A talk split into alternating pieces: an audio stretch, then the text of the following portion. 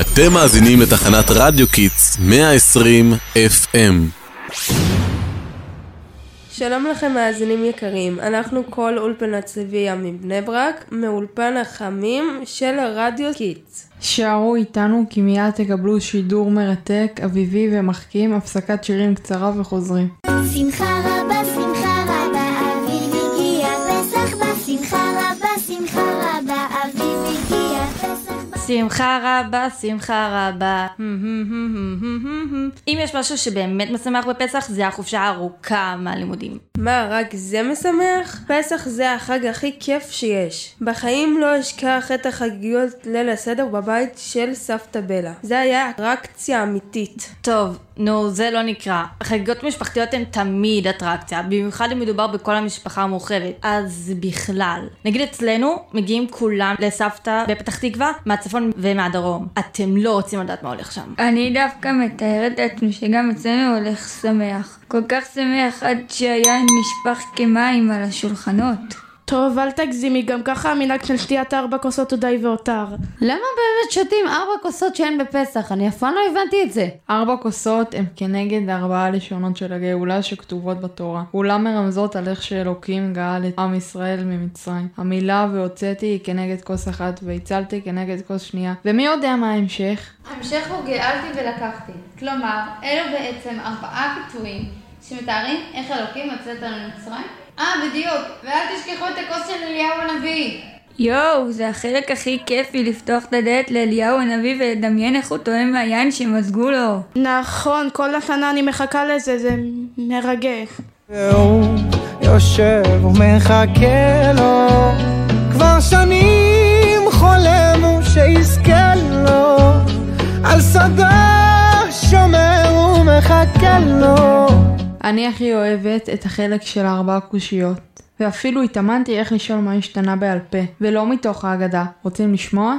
ברור, אבל בלי פדיחות, כן? מה נשתנה הלילה הזה מכל הלילות, מכל הלילות. מה נשתנה הלילה הזה מכל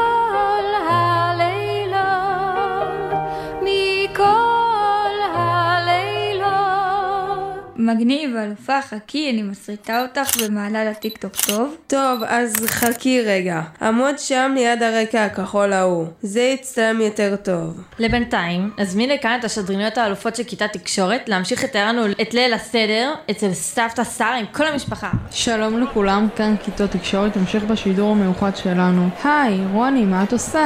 אני מחפשת מקום טוב שאפשר להחביא בו את האפיקומן. אני וכל המשפחה שלי חוגגים ליל סדר פה בבניין. מה אתם אומרים? איפה כדאי להחביא? אבל צריך מקום טוב שהאחיין שלי דני לא ימצא את זה.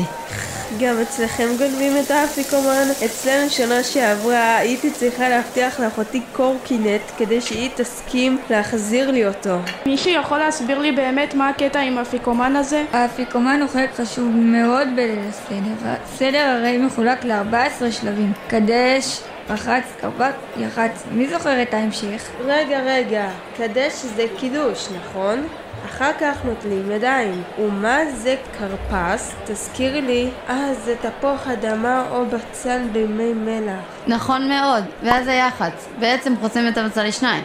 חצי אחד אוכלים והחצי השני שאומרים אפיקומן. היי, שלוות, תביאי לי קצת בבקשה, אני גם רוצה. ימי מצה עם שוקולד, מרגישים כבר את הטעם של פסח. אם כבר מדברים פה על טעם, אתם לא מבינים מה קרה לי שנה שעברה עם המרור. יואו, אל תזכירי לי אותו, זה חריף בטירוף. למה בכלל צריך לאכול דברים כאלו בפסח? מרור אוכלים זכר למרירות והצער שעבר העם שלנו בתור עבדים במצרים. הם סבלו כל כך, ואנחנו טועמים מהמרור כדי לזכור לפחות חלקיקון מהסבל שלהם. ומה זה הדבר המוזר הזה ששמים ליד הקערה? שכחתי איך קוראים לזה. אמ... חרופת? לא חרופת, חרוסת, והיא לזכר לטיט שהיו צריכים להכין עם ישראל במצרים כשפרעה הפסיק לספק להם אפילו טיט להכנת לבנים. וואי וואי, מסכנים, איזה סבל הם עברו שם. נס שיצאנו לחופשי. אבל אם היינו, היינו אתה בני חורים, בני חורים. עבדים היינו, היינו, אתה בני חורים, בני חורים. לשמוע משהו מצחיק? אני הייתי בטוחה שבני חורין, הכוונה שלהם לחורים של המצות.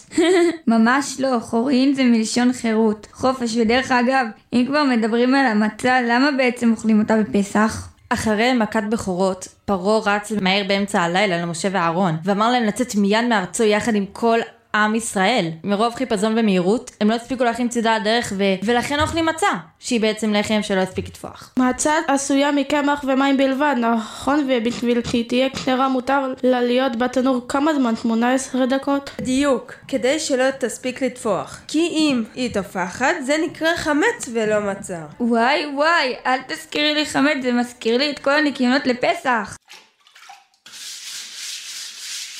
אוי, לא! את מזכירה לי שעוד לא ניקיתי את המקרר! אמא שלי לחוצה לחמץ, חבל על הזמן! היא מחפשת פרורים בכל רחבי הבית! אני חייבת ללכת לעזור לנקות! גם אני, גם אני. יאללה, זזנו. תודה שהייתם איתנו מאזינים. שיהיה לכולם פסח כשר שמח ומשפחתי במיוחד. תעקבו אחרינו ברשתות החברתיות. ביי ביי.